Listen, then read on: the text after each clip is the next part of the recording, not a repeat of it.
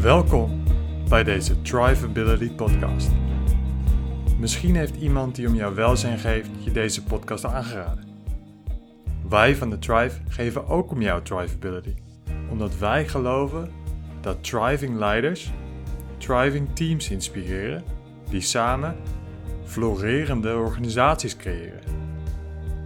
Om optimaal van deze podcast te kunnen genieten en er het maximale uit te halen, raden we je aan om naar buiten te gaan. Dus als je nog niet buiten bent, kijk even naar het weer en trek geschikte kleding aan, zodat jij er de komende 25 minuten comfortabel bij loopt. Vind vervolgens je weg naar een park, het bos, het strand of maak een wandeling door de stad. Deze podcast is bedoeld voor jou persoonlijk. Het is net als in het vliegtuig. Je moet eerst je eigen zuurstofmasker opzetten om vervolgens anderen te kunnen helpen. Deze podcast gaat over jouw thrivability, jouw vermogen om te floreren. Misschien vraag jij je af: wat is thriven nou eigenlijk? Het Engelse to thrive is een inspirerend werkwoord, wat niet gemakkelijk te vertalen is naar het Nederlands. Het betekent iets als floreren, bloeien en in flow zijn. Thriven wordt vaak gebruikt in tegenstelling tot overleven. Overleven is de staat waarin we ons beschermen tegen bedreigingen of crisis. Nou, gezien de coronacrisis is het volkomen normaal dat je momenteel meer in de staat van overleven zit dan in thriven. Deze podcast helpt jou om op dit moment te reflecteren op jouw leven. Wat is jouw eerste onderbuikreactie? Ben je op dit moment aan thriven of overleven? Binnen een dag of week ervaren mensen vaak allebei. Je krijgt nu wat tijd om na te denken over voorbeelden uit de afgelopen maanden voor zowel thriven als overleven. Ik ben over 20 seconden weer bij je terug.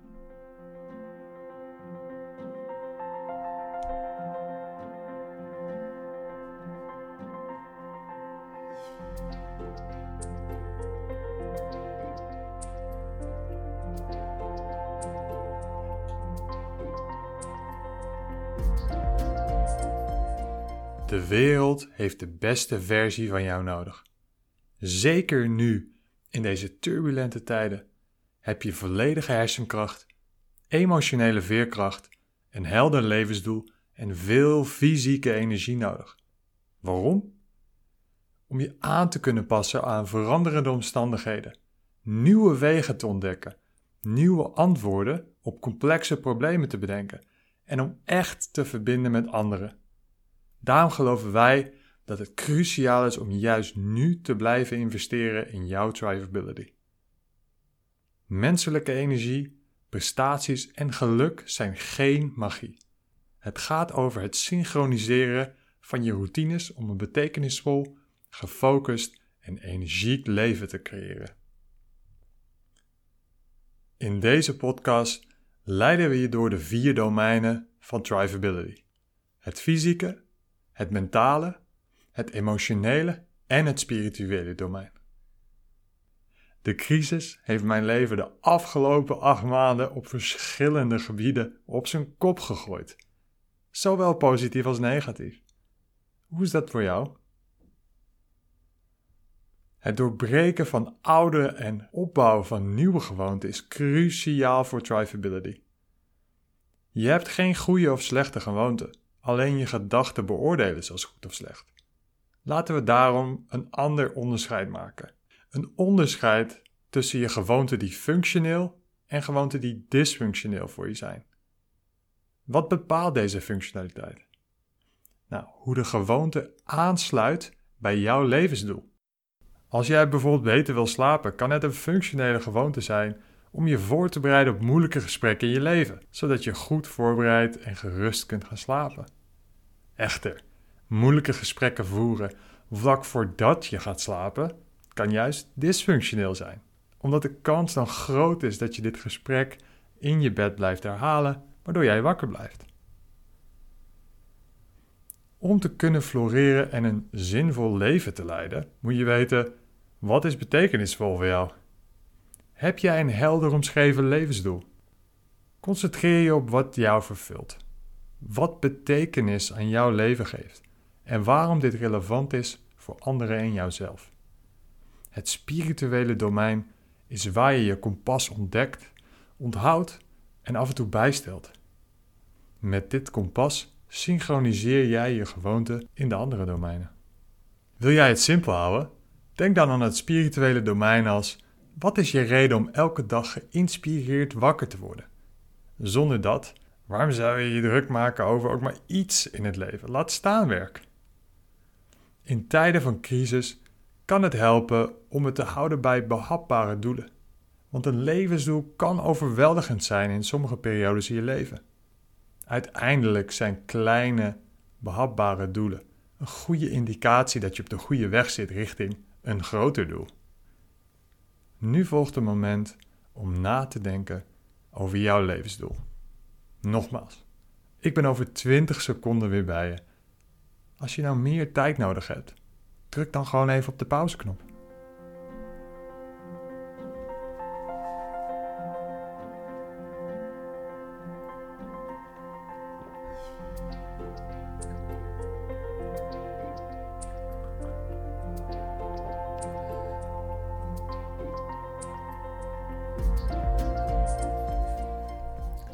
Laten we eens kijken naar het tweede van de vier domeinen: het mentale domein. Wat ons onderscheidt van alle soorten in het dierenrijk is de mogelijkheid om onze hersenen te veranderen en te transformeren. En daarmee ook ons fysieke lichaam en emotionele toestand. Dit noemen we ook wel neuroplasticiteit. In het mentale domein zullen we ontdekken hoeveel van ons gedrag, gedachten en gevoelens automatisch is en gewoontes zijn geworden. Wat een jaar is 2020 tot nu toe al geweest. Ben je je bewust waar jouw aandacht de afgelopen acht maanden naar uit is gegaan? Vooral in een crisis filteren verschillende mensen verschillende dingen uit de overweldigende hoeveelheid informatie over de crisis die ons wordt voorgeschoteld. Heb jij de statistieken gevolgd van aantal infecties, ziekenhuisopnames en IC-bezetting? Of spinden in jouw hoofd vooral de zakelijke kansen rond die de crisis met zich mee hebben gebracht? Onze hersenen zijn selectief. Ze filteren de informatie naar wat op dit moment het meest relevant is. De eerste orde van ons brein is overleven. Het zal daarom altijd eerst op zoek gaan naar gevaar en afwijkingen van normaal.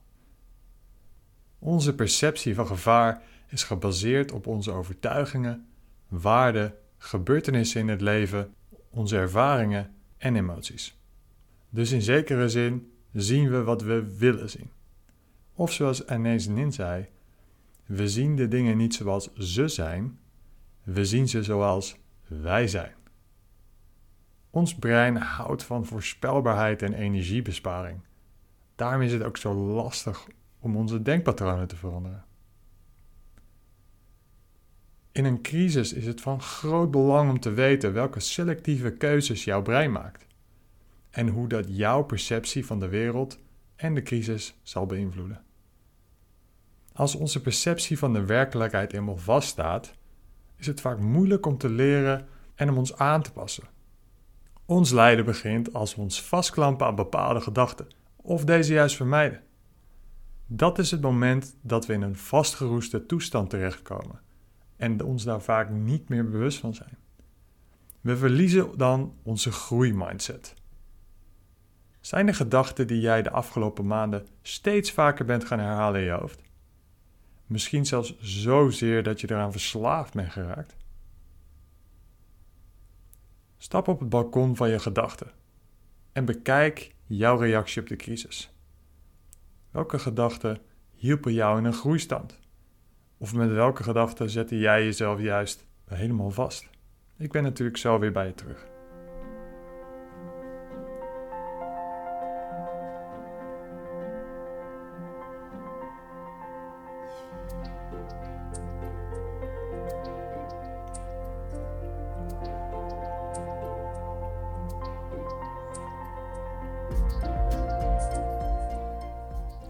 Een van de meest krachtige mentale constructies is de manier waarop jij naar jezelf kijkt. De manier waarop je naar jezelf kijkt heeft de neiging werkelijkheid te worden. Velen van ons ervaren innerlijke dialogen als: ik ben niet genoeg. Ik doe niet genoeg. Ik ben niet goed genoeg. Of zelfs niemand kan van mij houden. Dit resulteert dan vaak in een druk om te compenseren, om te streven en om meer te doen. We worden gevoeliger voor externe factoren dan voor wat er in onszelf leeft. Daarom is het belangrijk om te werken aan een positief zelfbewustzijn, gevoed van binnenuit. Het is essentieel dat we een manier vinden om te omarmen dat we begaafd, bekwaam en geliefd zijn. Soms zijn we niet in de juiste context, de juiste rol of is onze timing onhandig. Het helpt daarom om te mediteren op wie je werkelijk bent, waar je goed in bent en wat je graag doet. Werken vanuit wie je werkelijk bent levert zoveel meer op. En je gaat meer in jezelf geloven. Neem even de tijd om te observeren hoe jij naar jezelf kijkt.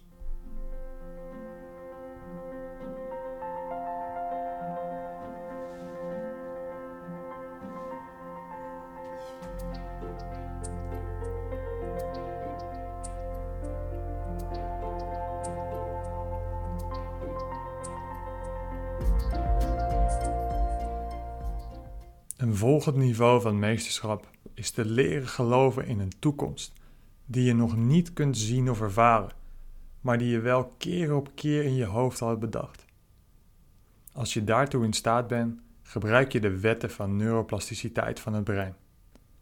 Je creëert nieuwe neurale paden door nieuwe neurale verbindingen in je hersenen te activeren en te verbinden. Jij installeert hiermee de neurologische hardware om verandering teweeg te brengen. Wat zou je tijdens deze crisis werkelijkheid willen zien worden? Hoe kan de crisis een springplank zijn voor jouw transformatie? Nieuwe routines, nieuwe keuzes, hernieuwde focus en energie.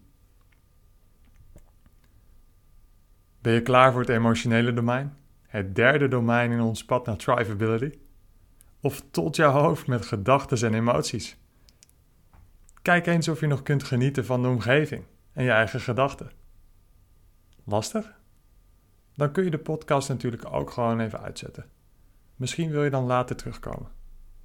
Anders duiken we nu samen in het emotionele domein. Is het niet fascinerend hoe verschillende mensen crisis emotioneel ervaren? Sommigen gaan er gewoon doorheen en voelen nauwelijks ongemak, terwijl voor anderen de crisis een emotionele achtbaan is geweest.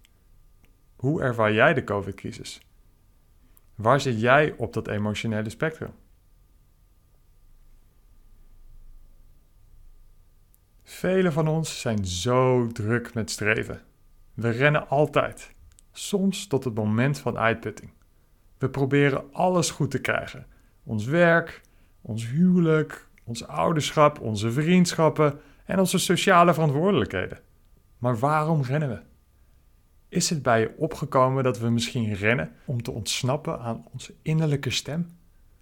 Dat we vooral van alles nastreven om gezien en geliefd te worden door anderen, terwijl ondertussen het streven ons juist weg kan houden bij wie we werkelijk zijn of willen zijn. Ik stel voor een pauze te nemen, stil te zijn en te voelen wat je echt voelt. Op je gemak te zijn met je eigen emoties, ze te erkennen en interpreteren, maakt jou emotioneel veerkrachtig. Veerkracht gaat over het kennen van jouw emotionele triggers en reflexen. Het gaat erom dat je je emoties kunt herkennen, sturen en uiten op zo'n manier dat je je positief zelfbewustzijn kunt behouden en verbinding kunt maken met anderen, zonder je emoties de kracht te geven om jouw gedrag te dicteren. Nou, neem even de tijd om na te denken over jouw emotionele reacties van de afgelopen tijd.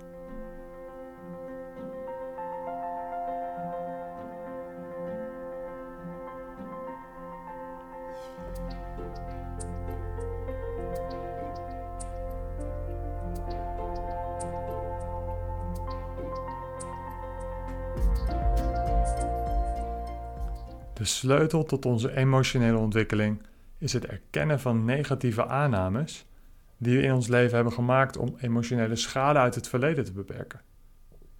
En te erkennen dat je verleden niet je toekomst hoeft te worden. Jij hebt het vermogen om te transformeren in het moment. Poeh, we gaan dieper. Misschien voel je wat spanning in je lijf of in je hoofd. Als dat zo is, haal dan diep adem en terwijl je uitademt zeg je loslaten. Laten we dit nog eens drie keer doen. Adem in. Loslaten. Adem in. Loslaten. En adem in. Loslaten. We maken het wat lichter door over te schakelen naar het vierde domein, het fysieke domein. We eindigen met het fysieke domein omdat dit de kern vormt van je welzijn. We splitsen het vaak op in slaap, voeding en beweging. Een belangrijke indicator voor je huidige fysieke fitheid en je biologische leeftijd is je hartritmevariabiliteit, ook wel HRV genoemd. Het is een meting van de slag-tot-slag verandering in jouw hartslag. Het toont de functie en het evenwicht van jouw autonome zenuwstelsel, wat wijst op stress, rust en spijsvertering. Onze ademhalingspatronen, onze lichaamsbeweging, onze gevoelens en zelfs onze gedachten beïnvloeden onze HRV. De technologie en data om jouw HRV te meten zijn wetenschappelijk bewezen en beschikbaar. Het rapport dat wij genereren in ons Drivability werk geeft onder andere inzicht in jouw energiereserves, jouw productiviteit, je stressniveau, je vermogen om van een stressreactie te herstellen naar een nieuw evenwicht en jouw hersengolfpatronen. Met de inzichten uit jouw HRV-rapport kun je betere keuzes maken over de overtuiging of gewoonte die je wilt transformeren om jouw welzijn in alle domeinen te beïnvloeden. De coronacrisis heeft de fysieke basispatronen van veel mensen verstoord. Zo brengen veel mensen veel meer tijd achter een scherm door, wat een serieuze impact heeft op hun leven en dat van hun gezin. Als jouw slaap, voeding of beweging ernstig wordt beïnvloed door je huidige omstandigheden, heeft dit invloed op jouw hele welzijn. Wat is met jouw slaap gebeurd? Meer dan een miljoen mensen in Nederland lijden aan lichte of zware slaapproblemen. Een gemiddeld gezond aantal slaapuren is 8. Maar wat is jouw magische aantal? Bedenk ook dat het allereerst gaat om de kwaliteit van je slaap. Dus hoe wordt jouw slaap beïnvloed door je gedachten of emoties als gevolg van de coronacrisis?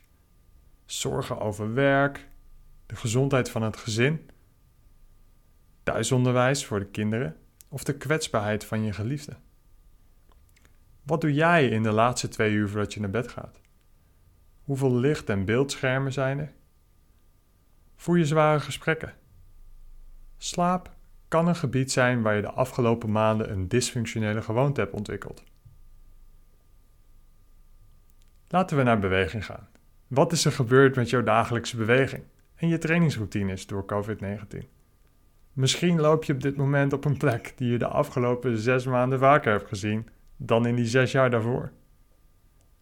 Misschien was jouw fitness- of sportclub gesloten en jouw vrienden te druk om met je te sporten.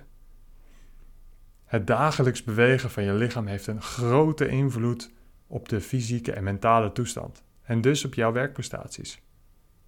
Maak er een gewoonte van om iedere dag te bewegen, te lopen, te gaan sporten, al helemaal in lockdownperiodes. Voor de meeste van ons geldt hoe meer natuurlijke beweging je in je dag krijgt, hoe beter. Laten we het eens hebben over voeding. Er is veel kennis op dit gebied van voeding. En ook heel veel hiervan is tegenstrijdig. De gewoonten rondom eten zijn nauw verbonden met onze stemmingen en basisbehoeften en daarom lastig structureel te veranderen. Wat zijn jouw gewoontes als het gaat om snacks, vet, vlees alcohol, cafeïne, suiker en zout? En wat zijn jouw gewoonten betreft regelmatige maaltijden? Groente, fruit, noten, zaden en pulvruchten? Zijn deze veranderd doordat je nu wellicht op een andere plek werkt of onder andere druk? Deze tijd kan een goed moment zijn om kleine experimenten te doen, om jouw eetgewoonte te veranderen. Voeding en de effecten hiervan zijn zeer persoonlijk en ook heel sociaal. Want velen van ons eten vaak met anderen en worden dus beïnvloed door wat de mensen om hem heen eten. Wat eten de mensen om jou heen? Is het aantrekkelijk, gemakkelijk, gezond of juist niet? Is voeding misschien een gebied waar jij mee worstelt? Ga dan op zoek naar persoonlijk advies. Neem nu de tijd om jouw fysieke welzijn te beschouwen.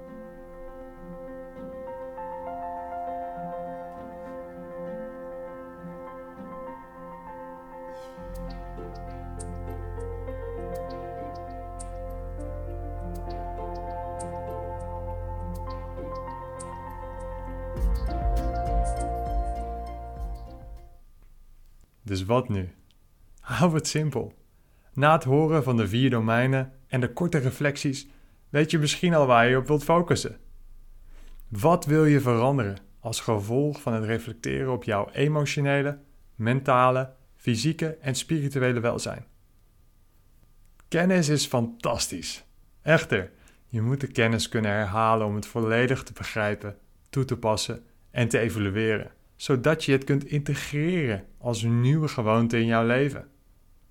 En zoals Lao Tzu zei, de reis van een duizend mijl begint met een enkele stap. Dus begin vandaag, hier en nu, met het synchroniseren van jouw routines naar jouw levensdoel. En ik weet het, het is misschien niet gemakkelijk, maar wel simpel en zeker de moeite waard mogen de weg jou tegemoet komen. Met de wind altijd in je rug. De zonnestralen jouw gezicht verwarmen en de regen zachtjes landen op je schouders.